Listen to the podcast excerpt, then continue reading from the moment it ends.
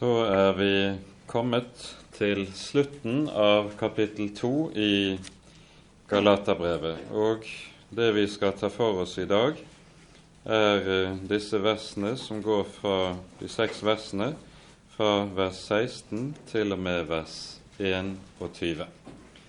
Men la oss be sammen før vi leser. Kjære du gode Herre og Hellige Far.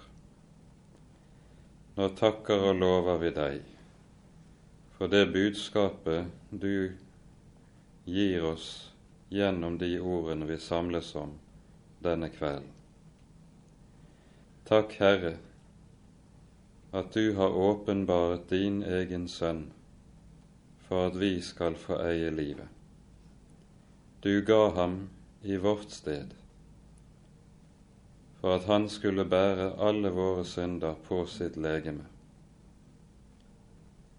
Kjære Herre Jesus, velsignet være du som var villig til å bære, bære alt vårt, smått og stort, og hvor urent det enn måtte være. Nå ber vi, Herre, at du ved din store nåde vil sende din Hellige Ånd og åpenbare ordet ditt for oss, og at du vil gjøre oss så små, så fattige i Ånden, at vi kan få se hemmelighetene i ditt hellige ord. Kom, Herre, kom du. Det ber vi for Jesus skyld, og takker og lover deg fordi du er god og fordi din miskunnhet varer til evig tid. Amen. Da leser vi altså fra vers 16 og ut kapittel 2. Da vi innså at et menneske ikke blir rettferdiggjort av lovgjerninger, men ved tro på Kristus Jesus, så trodde også vi på Kristus Jesus, for å bli rettferdiggjort av tro på Kristus, og ikke av lovgjerninger, ettersom intet kjød blir rettferdiggjort av lovgjerninger. Men om vi, da vi søkte å bli rettferdiggjort i Kristus, fantes også selv å være syndere, er derfor Kristus en syndens tjener? Langt derifra. For hvis jeg igjen bygger opp det jeg brøt ned, da viser jeg meg selv som en lovbryter. For jeg er ved loven, død for loven, for å leve for Gud. Jeg er korsfestet med Kristus jeg lever ikke lenger selv, men Kristus lever i meg. Og det liv jeg nå lever i kjødet, det lever jeg i troen på Guds sønn, som elsket meg og ga seg selv for meg. Jeg akter ikke Guds nåde for intet, for er rettferdighet å få ved loven, da er altså Kristus død forgjeves. Amen. Dette avsnittet som vi har for oss denne kvelden, tror jeg vi med full rett kan si utgjør sentrum i Galaterbrevet. Her sammenfatter Paulus hele det budskap han har å fremholde for galaterne, og det som både går forut, det leder frem imot det vi her hører, og det som følger etter, det er en nærmere utdyping og utleggelse av det.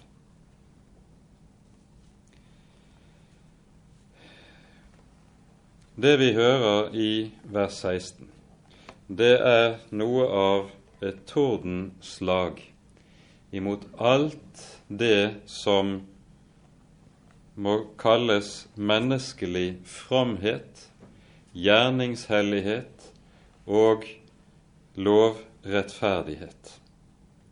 Og la oss nå særlig se nærmere på dette 16. verset. Da vi innså at et menneske ikke blir rettferdiggjort av lovgjerninger, men ved tro, osv. Da blir spørsmålet uhyre viktig. Hva betyr ordet lovgjerninger? Lovgjerninger det er noe som alltid hos apostelen står i uttrykkelig motsetning til begrepet nåde. Det er det første vi merker oss. Alt som ikke er nåde, det er lov. Og motsatt. Er det lov, er det gjerninger, da er det ikke nåde. Og Dette understreker jo også Paulus veldig tydelig i Romerbrevets ellevte kapittel, når han sier slik i det sjette verset her, f.eks.: Er det av nåde, da er det ikke mer av gjerninger, ellers blir nåden ikke mer nåde. Her er det et veldig skarpt enten-eller. Det ene utelukker det annet. Men hva er så lovgjerninger? Lovgjerninger, det var vi, sa vi sist gang, det er det gamle menneskets forsøk på å oppfylle Guds hellige lov. Det er altså det gamle menneskets forsøk på å være lydig mot Gud å etterfølge Kristus kan en gjerne høre brukt som uttrykk, også videre. Når det gamle mennesket begynner slik, da finner vi noe av det som ligger dypt nedlagt i det falne menneskets natur. Det som ligger oss for hånden, er nemlig nettopp loven og lovens gjerning. Når reformatorene taler om det falne mennesket og hva som preger det falne mennesket, så bruker de et spesielt uttrykk om den gamle Adam. Den gamle Adam er behersket av det de kaller for opinio legis. Bokstavelig oversatt betyr det lovens mening.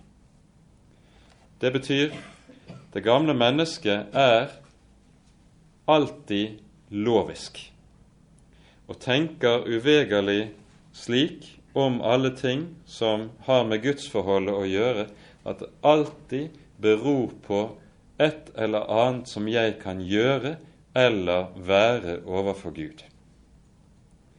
Og Dette er noe som utgjør en stadig fare for all kristen tro at det gamle mennesket så å si tar over kristentroen ved at det gamle Adam så å si blir from, og så sniker den oppfatning seg inn at min kristendom, mitt barnekår, på en eller annen måte avhenger av noe jeg er eller kan gjøre. Og dette søker stadig det gamle mennesket hen imot, mens det nettopp kjennetegner evangeliet at det søker å ødelegge og hindre dette. I syndefallsfortellingen er dette forbilledlig gitt oss i det vi hører om at det første Adam og Eva gjør etter at de er falt i synd. Hva er det? Det er nettopp å binde fikenblad om seg for å skjule sin nakenhet, skjule sin skam. Det gamle menneskets pene eller fromme gjerninger, lovgjerninger, det er nettopp slike fikenblad som vi bruker for å skjule vår skam, både overfor andre mennesker og ikke minst overfor Gud. Det er lovens gjerning. Nå kan vi stille spørsmålet Når Paulus her sier sånn som han gjør, da vi innså at et menneske ikke blir rettferdiggjort av lovgjerninger. Hva er grunnen til dette? Hva er årsaken til at det gamle mennesket ikke kan rettferdiggjøres på grunnlag av noe det selv kan yte eller gjøre? Årsaken ligger i hvem vi er etter fallet. Etter fallet så skjer det noe med, eller i og med syndefallet skjer det noe med menneskenaturen som gjør det umulig for mennesket å bli til Guds behag, uansett hvor langt det måtte nå i fromhet, selvforbedring og tukt når det gjelder livet sitt. Det som altså ligger bakom her, det er Jesu og Bibelens lære om hvem det falne mennesket egentlig er. Hva vil det si at mennesket er en synder? Her er det jo sånn at det naturlige mennesket alltid tenker slik at synd, det er noe vi gjør. Det er ulike handlinger, og derfor bruker vi ofte begrepet synd i flertall. Vi taler om synder. sånn da er det nettopp noe som sikter mot konkrete gjerninger som vi gjør. Men når Bibelen taler om synd, så taler den først og fremst om synd som noe vi er, ikke som noe vi gjør. De syndige handlinger, det er kun utslag av det som vi er i naturen etter syndefallet. Og dette er uhyre viktig å ha klart for seg. Vi kan hente frem et par sentrale ord i evangeliene for å belyse dette. Først Jesu ord i Matteus 15, som er en sentral tekst når det gjelder å kaste lys over hvem det falne mennesket er. Vi hører i denne sammenheng om hvorledes fariseerne taler om at det som går inn i mennesket, kan gjøre mennesket urent. Altså, man kan spise uren mat og så bli uren gjennom det. Til dette sier Jesus, som vi husker, det er ikke det som går inn, men det som går ut av mennesket, som gjør det urent. Og så forklarer han det nærmere for disiplene fra vers 17 av. Skjønner dere ikke at alt det som kommer inn i munnen, går inn i buken og kastes ut den naturlige vei? Men det som går ut av munnen, det kommer fra hjertet. Og dette er det som gjør mennesket urent. For fra hjertet kommer onde tanker, mord, hor, utukt, tyveri, falskt vitnesbyrd, bespottelse. Dette er det som gjør mennesket urent, men å ete med uvaskede hender gjør ikke mennesket urent. Her sier altså Jesus noe helt grunnleggende om menneskets hjerte. Hjertet er ikke rent.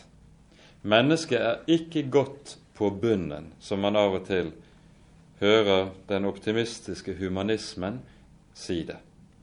Tvert om, mennesket er en mørk kilde til alt slags ondt, urent og forskrekkelige ting. Og når dette bryter ut i ytre handling, da er det bare en naturlig følge av at hjertet er sånn som det er. Dette er bakgrunnen for det bildet vi hører Jesus bruke flere ganger i evangeliene når han sier et godt tre bærer god frukt, men et ondt tre bærer dårlig frukt. Det er nettopp hvorledes treet er, som bestemmer fruktens beskaffenhet. Hjertet, når det er ondt, så blir ganske naturlig også gjerningene onde. Det at det gamle mennesket er slik beskaffent, det har et særlig navn i Det nye testamentet. Det kalles kjødet. Kjødet det er nettopp en beskrivelse av det gamle mennesket slik det er som fallen natur. Og her er poenget det at kjødets gjerninger alltid er slike som vekker Guds vrede, enten de er i det ytre onde eller i det ytre gode. For det gamle mennesket, når det skal gi seg til å prøve å bli fromt, da er det dypest sett gudfiendskapet som ligger bak det. Hvor, hva slags gudfiendskap? Jo, det fiendskap som sier 'Jeg vil ikke ha Kristus som min rettferdighet'. Jeg vil nemlig selv etablere en rettferdighet som kan holde mål og stå i Guds øyne. Egenrettferdigheten renner alltid ut av og er en frukt av fiendskap mot evangeliet om Jesus. Og Dette er viktig å ha klart for seg. Dette er noe av det som kalles arvesynden. Og det er noe som vi mennesker ikke umiddelbart kan se av oss selv. Når Luther taler om dette, så sier han arvesynden er en så dyp og alvorlig skade at mennesket ikke kan kjenne det uten at Gud åpenbarer det. Og Derfor er det også at Paulus taler sånn som han gjør her i Galatane 2,16. Han sier 'da vi innså'. Når innså Paulus dette? Gud har altså skapt en erkjennelse hos Paulus, en erkjennelse av hvem han er. Og denne erkjennelsen tvinger frem hos, man, hos ham den dypeste fortvilelse på grunn av at han er sånn som han er, er han fortapt. Denne erkjennelse er noe som må åpenbares, og den åpenbares kun på ett vis, nemlig gjennom Guds hellige lov. Og her er det vi ser noe av det som er grunnleggende i denne sammenheng når Paulus sier 'da vi innså', så sikter han til nettopp det som er særmerket for den kristne erkjennelse, til forskjell fra fariseerne. Når fariseerne kunne leve i den innbilning at bare de riktig tok Guds hellige lov på alvor, da ville de bli rettferdige for Gud, da er jo det et forsøk og en tenkning som hviler i at man ikke ser og erkjenner hvem en selv er. En ser ikke og kjenner ikke seg selv. Hvorledes vekkes og virkes denne erkjennelse? Paulus skriver i Romerbrevet i det tredje kapittel slik. Romerne 3, 19 og 20. Vi vet Legg merke til her er det tale på ny om den særlige kristne erkjennelse, som står der i motsetning til fariseernes erkjennelse. Vi vet at alt det som loven sier, det taler den til dem som har loven, for at hver munn skal lukkes og hele verden blir skyldig for Gud, ettersom intet kjød blir rettferdiggjort for ham ved lovgjerninger. For ved loven kommer syndens erkjennelse. Når Gud har gitt sin hellige lov, da har Han gitt denne først og fremst for at mennesket skal se og erkjenne sannheten om seg selv. Men det som er ulykken i denne sammenheng, er at nettopp den naturlige menneskets gudfiendskap ikke vil ta loven til hjertet slik Gud har tenkt det, men i stedet misbruker det Guds lov til å bygge opp en mur imot Gud, slik at det ikke lenger trenger Herren og Hans nåde i evangeliet. Gudfiendskapet viser seg aller sterkest nettopp når mennesket blir egenrettferdig og bygger opp en egen fromhet, for da blir den en mur som jeg kan bruke til å forsvare meg mot Gud med. Derfor har Gud ofte et svare arbeid med å nå inn til mennesket. Et svare arbeid med å rive ned, bryte i stykker og ødelegge menneskets egen rettferdighet, som det prøver å lage seg selv. Og dette arbeid kan for noen ta mange år hvis det er mennesker som er sterke og viljesterke karakterer, kan det koste forferdelig mye kamp. Hos andre kan det gå fortere. Det er forskjellig. Men Gud har her et veldig arbeid som han må gjøre for å kunne nå inn og nå igjennom til mennesket, for å skape det som vi her hører, da vi innså. Dette er den grunnleggende kristne erkjennelse. Den handler med andre ord om dette at Gud må bryte ned og ødelegge menneskets tillit til å tro på egen fromhet og tro på at Gud kan gjøre noe ut av oss selv og det som vi er i oss selv. Det som var fariseernes måte å tenke på, det var at loven det er den gave Gud har gitt mennesket for å hjelpe mennesket til å overvinne sin synd.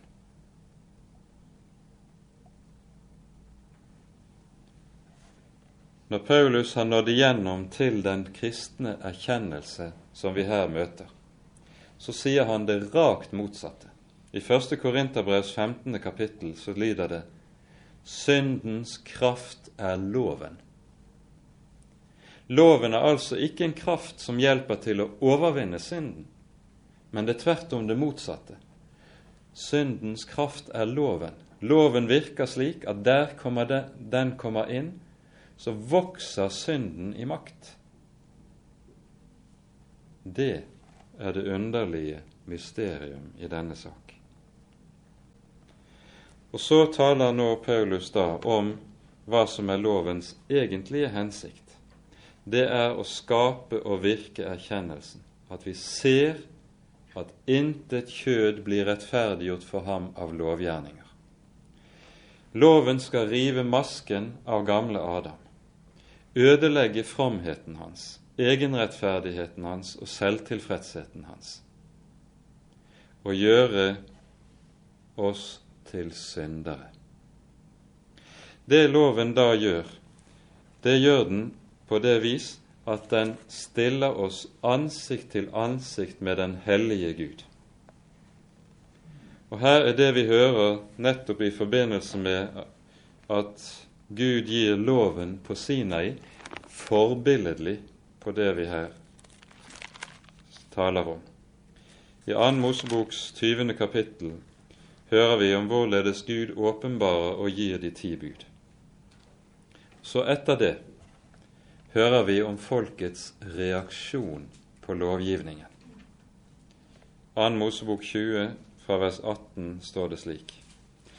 Alt folket så og hørte tordenen og luene og basunlyden og fjellet i røk. Og da folket så og hørte dette, skalv de og holdt seg langt borte. Og de sa til Moses, Tal du med oss, så vil vi høre. Men la ikke Gud tale med oss for at vi ikke skal dø. Det å møte den hellige Gud, det skaper angst og redsel hos synderen. Den hellige Gud det er den Gud jeg møter når loven får lov til å stå der med hele sin velde, hele sin styrke og hele sin tyngde. Da skaper det denne angst som vi hører om her. Denne angst som forbilledlig er malt for oss i folkets reaksjon under Sinai, den er det vi kan møte igjen hos mennesker som rammes av anfektelsen. Anfektelse, det er nettopp at mennesket oppdager hvem den hellige Gud er, og hvem en selv er, og så fylles med redsel. Redsel for fortapelsen, redsel for helvete, redsel fordi jeg ser at slik jeg er i meg selv, er det intet håp. Kan Gud i det hele tatt være nådig mot slike som meg? Anfektelsen gjenspeiler no noe av denne angst for den hellige Gud, som er dommeren over synd og alt som urent er. Denne anfektelsen er det også mennesker kan oppleve når de kommer på dødsleiet. Dødsangst, som også troende kristne kan oppleve, er gjenspeiler samme saken. Det er tallrike fortellinger om troende mennesker som har levet et langt liv i Guds tjeneste. Og så skulle man forvente at når døden nærmet seg og de lå på det siste, da var de frimodige i forventning om hva som lå foran. Og så skjer det motsatte. Troende og fromme Guds barn plages av den forferdeligste kval og redsel for døden. For brått ser de sitt liv i et annet lys. All min tjeneste for Gud ramler sammen og blir til støv. Alt jeg har gjort, all min kristendom, alt jeg har vært, det rakner og blir til intet. Det holder ikke i dommen.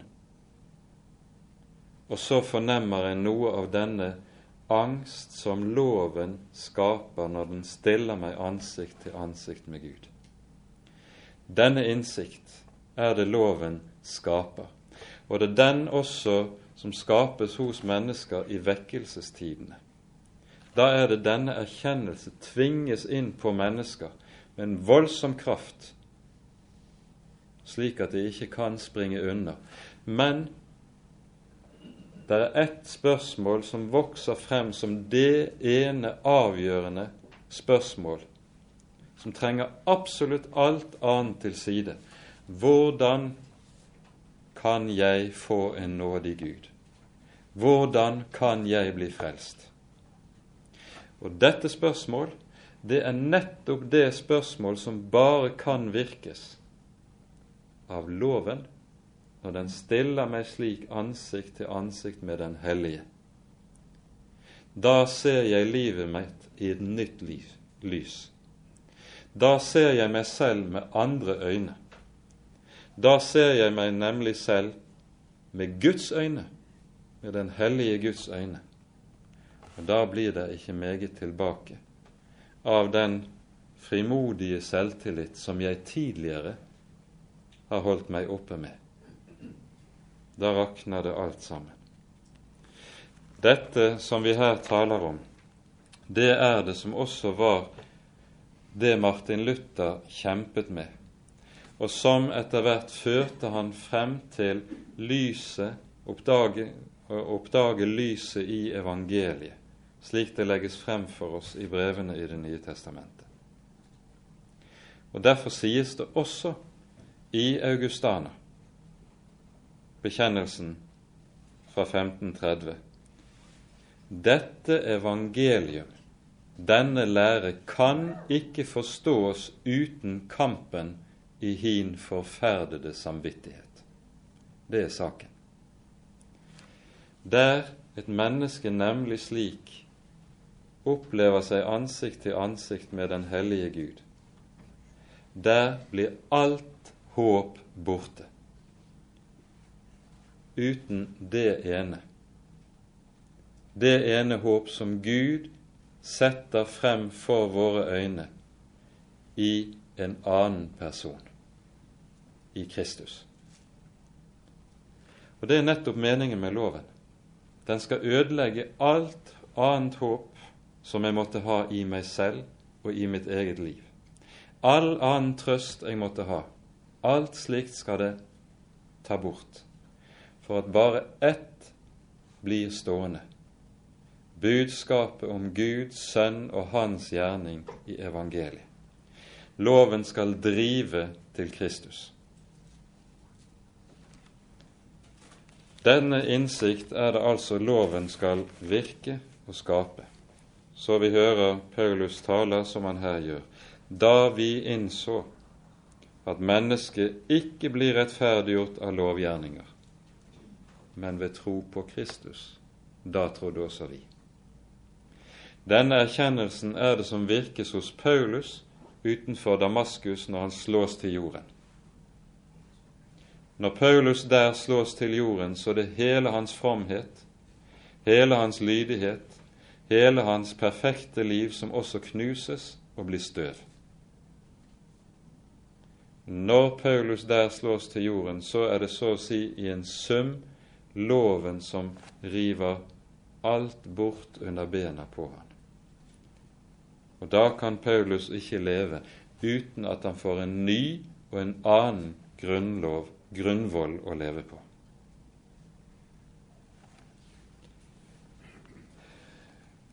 Og her er det vi så møter det ordet som så å si er hovedbegrepet i både romerbrevet og i Galaterbrevet. Det er ordet rettferdiggjørelse. Da vi innså at et menneske ikke blir rettferdiggjort av lovgjerninger. Hva betyr dette ordet? Å bli rettferdiggjort, eller som det står i Bibelselskapets nye oversettelse, å bli kjent rettferdig. Selve ordet 'rettferdig' det betydde i sekulær gresk språkbruk at et menneske var rettskaffent. Og Derfor anvendes dette ordet i Det nye testamentet til å oversette det hebraiske ordet i Det gamle testamentet, som beskriver det rettferdige mennesket som det mennesket som er Gud velbehagelig. Den, det mennesket som er Gud velbehagelig, det er rettferdig. Hele poenget med begrepet er altså at det stiller mennesket ansikt til ansikt med Gud. Det er ikke en rettferdighet som så å si er noe som hviler i mennesket alene og hviler i seg selv. Poenget er hele tiden hvorledes ser jeg ut i Guds øyne? Det er det som er nøkkelen i dette. Og her er det Bibelen tenker på en måte som i dag synes det moderne mennesket totalt fremmed. Det som er det moderne menneskets spørsmål, er jo stikk motsatt. Ikke 'hvordan kan jeg finne aksept hos Gud', men hvorledes skal jeg kunne akseptere Gud slik som Han er? Det er like som Gud som må finne nåde i menneskets øyne i dag. Da er mennesket blitt meget stort, og Gud blitt meget liten. Da er det mennesket som har satt seg nettopp i Guds sted, og tenker som så det er Gud som skal stå til rette for meg. Da aldri er mennesket lengre borte fra Gud enn når det skjer. Men når mennesket kommer Gud nær, da blir det en annen tone som kommer inn. Da blir spørsmålet hvordan kan jeg finne nåde i Guds øyne? Hvordan kan jeg bli rettferdig for Gud? Og Her er det altså så at begrepet rettferdiggjørelse brukes. Dette begrepet det er hentet fra rettsspråket i datidens samfunn. Det beskriver en domshandling i retten der dommeren frikjenner den som er tiltalt. Og vi forstår hva som ligger i det. Her er det synderen, her er det deg og meg som står som anklaget for Guds domstol, der den hellige Gud sitter som dommer over mitt liv. Det som er vanlig fremgangsmåte ved domstolen, er at den skyldige nettopp kjennes skyldig, og slett ikke frikjennes. Men den som er kjent skyldig, han kan eventuelt senere benådes i en eller annen form, i betydningen å få ettergitt større eller mindre deler av straffen, men han er kjent skyldig dog. Vi skal merke oss at Bibelen, når det beskriver frelsen, ikke bruker uttrykket benådning, men det bruker uttrykket rettferdiggjøre, som altså betyr frikjenne. Det som skjer for denne Guds domstol i rettferdiggjørelsen, er at det forunderlige skjer at den som er skyldig, ikke dømmes skyldig, men frikjennes. Gud gjør altså noe som er stikk imot all normal rettspraksis. Og årsaken er gitt i det som Paulus her peker på videre. Vi blir rettferdiggjort av tro på Kristus Jesus. Vi blir frikjent av tro på Kristus Jesus. Denne tro har det med seg at den har ett bestemt innhold. Den er rettet mot Jesu Kristi person og den setter sin lit til Jesu Kristi person. Til Jesu Kristi person og gjerning. Hvilken gjerning? Jo, den gjerning at Han som er Guds hellige sønn, har gått inn i mitt sted, tatt på seg skylden for min synd, tatt på seg når han blir gjort til skyldner i mitt sted, så tar han på seg også straffen for synden, lider døden og går inn i mørket i mitt sted. Det setter jeg min lit til. Gud gjør her et bytte. Et bytte mellom Kristus og meg. Han gir sin sønn min synd, min død, min skyld og min forbannelse. Og så motsatt, i bytte for det, får jeg Guds sønns liv, Guds sønns renhet og rettferdighet, Guds sønns velsignelse som han har arvet på grunn av sin rettferdighet. Dette byttet skjer. Og når jeg da blir rettferdiggjort av tro på Kristus, da betyr det at jeg frikjennes i dommen, den skyldige frikjennes i dommen, fordi den uskyldige har tatt på seg dommen og straffen. Gud har gjort et bytte. Det underlige er da altså at Jesus går inn under lovens dom for at jeg skal gå fri og få del i hans velsignelse. Det er ett menneske under solen som har oppfylt Guds hellige lov. Det er ett menneske som har vært lydig, som har vært fullkommen, som har vært rettferdig i alt hva han har gjort. Det var ikke én synd i hans liv. Derfor har dette mennesket rett på det Gud lover i sin hellige lov. I loven Guds sier Gud, den som gjør det, skal leve. Den som gjør det, eier velsignelsen. Jesus har dette. Og det Jesus har vunnet som sin rett, det gir han til synderen som synderens rett. Og så blir vi gjort rettferdige for Gud, ikke på grunnlag av noe vi kan gjøre, noe vi kan være, noe vi kan yte, noe vi kan gi Gud, men på grunnlag av noe Jesus har gjort. Jesus har ytet. At Jesus har vært lydig, det er grunnlaget for rettferdigheten. Troen er derfor det at hjertet er rettet mot Jesus. Troen består i at jeg fester min lit til det ord som Gud sier, at Jesus har oppfylt alle betingelser, alle krav som overhodet er nødvendig for at jeg skal få være Guds barn.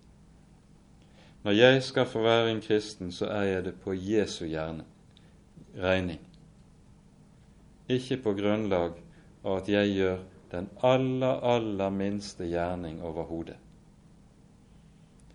Loven ødela min rettferdighet og gjorde meg skyldig. Evangeliet drar meg inn til Jesus og peker på i ham har jeg alt. Hele fylden av Guds nåde og velsignelse i ham. Dette er det, som gjør et menneske til Guds barn. Og så fortsetter Paulus nå i vers 17 og i vers 18. Om vi, da vi søkte å bli rettferdiggjort i Kristus, fantes også selv å være syndere, er da Kristus syndens tjener langt derifra. Vi forstår tankegangen. Poenget her er det at når jeg søker til Jesus fordi jeg ser hvem jeg er, sannheten om meg selv, da finnes jeg nettopp å være synder. Det er jo derfor jeg søker Jesus. Det er derfor jeg trenger Jesus. Men derfor ikke Kristus syndens tjener. Han er sannhetens tjener. Hvem er det som er syndens tjener? Det er loven. For loven gjør jo det paradoksale at der den kommer inn, der vokser synden i kraft og makt. Jo mer jeg rykker i lenkene for å komme løs fra synden slik loven krever det, jo fastere sitter lenken. Og Derfor lyder det i neste vers igjen.: Hvis jeg igjen bygger opp det jeg brøt ned, da viser jeg meg som en lovbryter. Det bildet som her brukes, det er bildet av muren.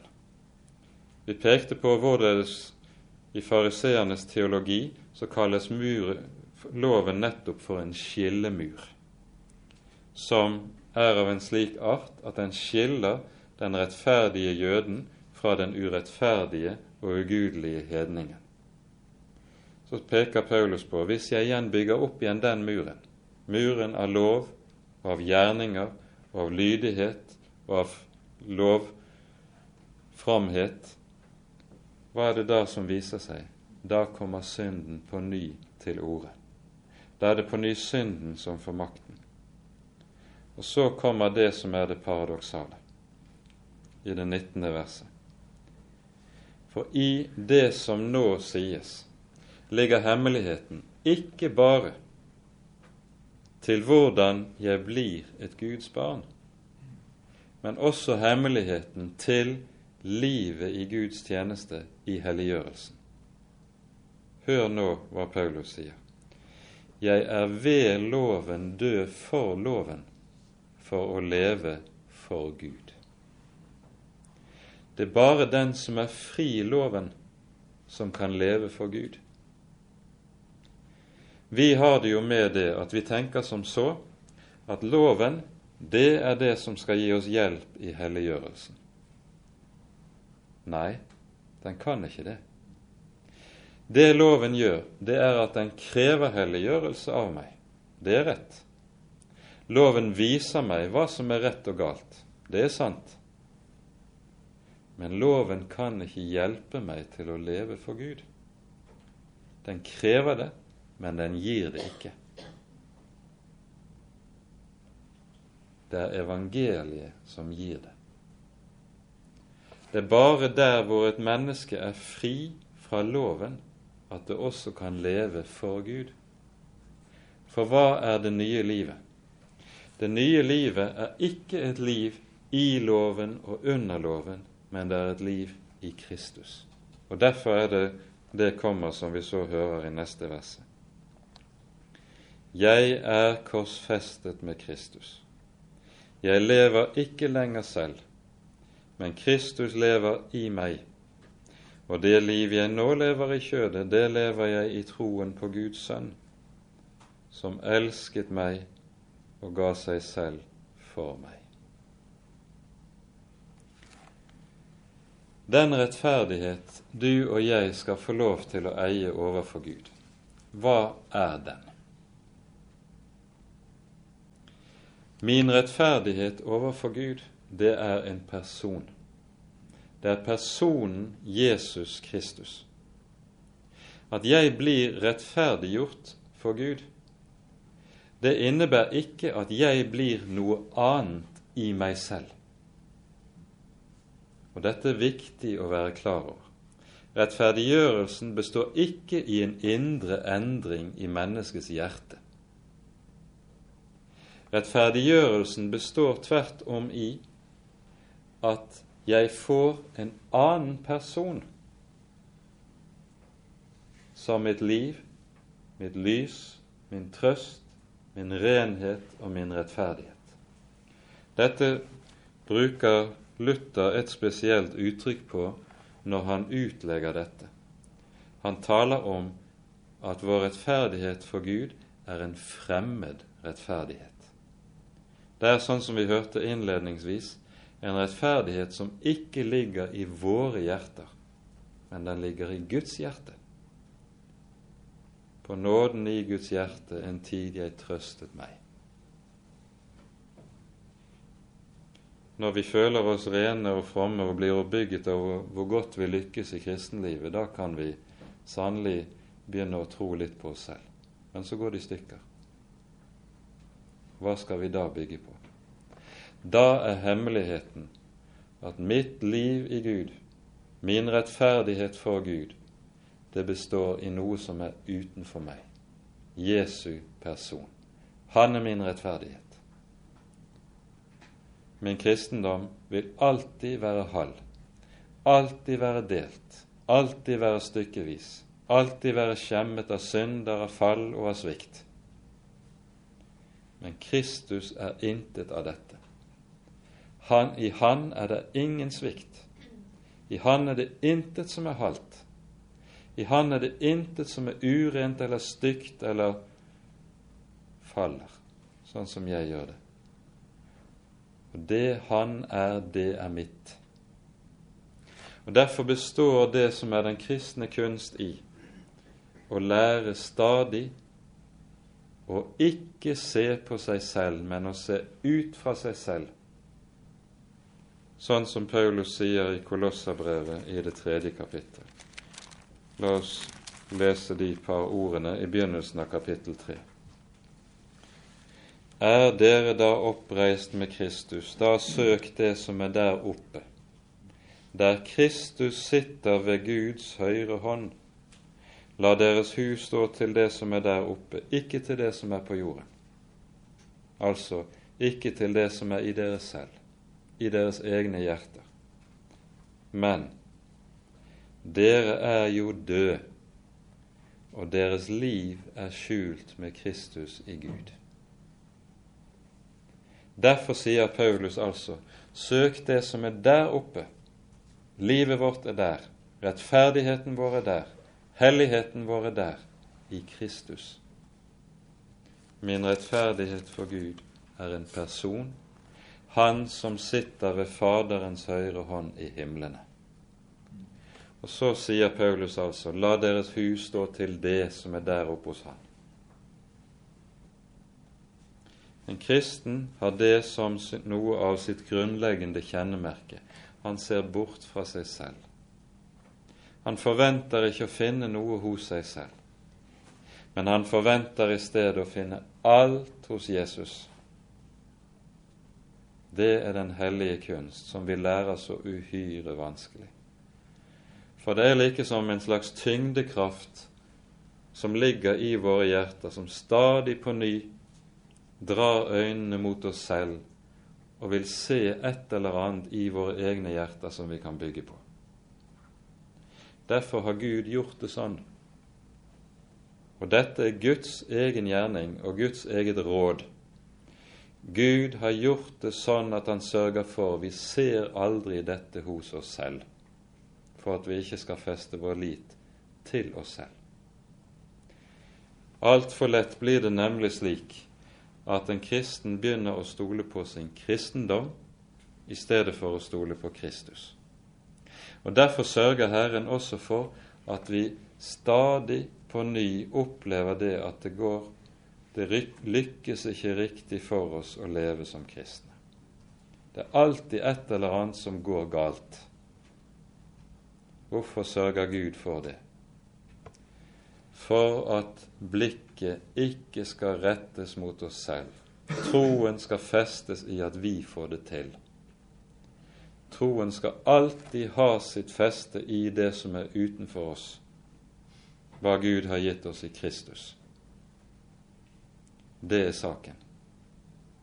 Så skal vi nok strebe etter helliggjørelse, men vi skal ikke bygge vårt håp på det.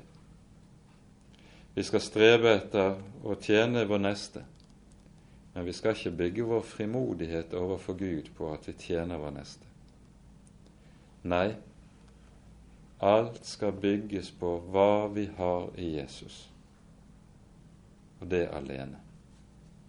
Og så er det at apostelen derfor sier jeg er korsfestet med Kristus. Jeg lever ikke lenger selv, men Kristus lever i meg. Det som kjennetegner en kristen, er Og det, her er det neste som apostelen peker på som grunnleggende i det kristne livet. En kristen er forenet med Jesu død og oppstandelse. Når Jesus dør på korset, da er det jeg som dør der sammen med ham. Når Jesus begraves, legges ned i hulen, da er det jeg som begraves med ham. Det er mitt gamle menneske som legges inn der.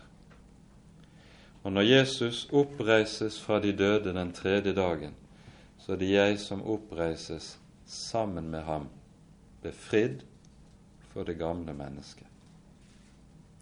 Dette skal vi tale mer om etter hvert. Det blir, vil gå for langt at vi går videre inn på dette. Men dette er selve kjerneverset, der Paulus beskriver hva hans liv som kristen består i. Jeg er død, jeg er korsfestet med Kristus, jeg lever ikke lenger selv. Selv livet har mistet enhver rett og ethvert krav på apostelen. Han er død med Jesus.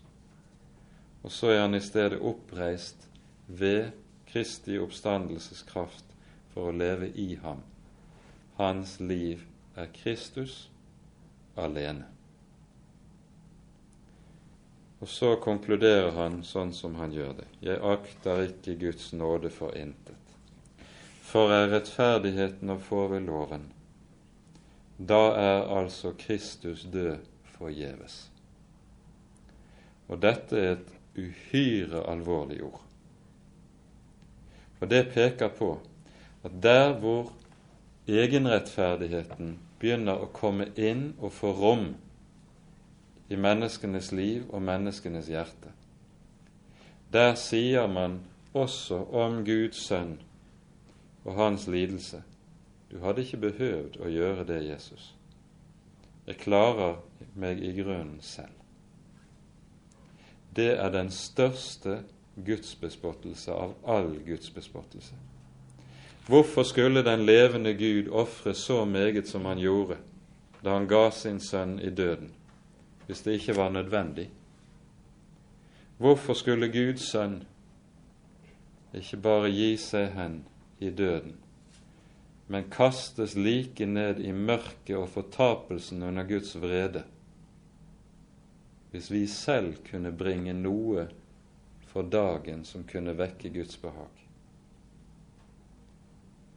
Da hadde han ikke trengt det. Men når Jesus går denne dype og mørke vei, så er det fordi det ikke var noe annen vei til forløsning for syndere. Uten dette så ville syndere være redningsløst fortapt. Derfor er det også slik at ethvert samarbeid mellom Gud og mennesker i frelsen er utelukket. Når det gjelder frelsen, vil Jesus være absolutt alene om sin gjerning. Det er ikke slik at du skal gjøre litt, og så skal Jesus gjøre resten. Nei, da hadde han ikke trengt å dø. Da kunne han nøye seg med å gi åndelige kraftinnsprøytninger slik at vi kunne få det til. Men han måtte dø. Og slik, og bare slik, ble det stående også at han alene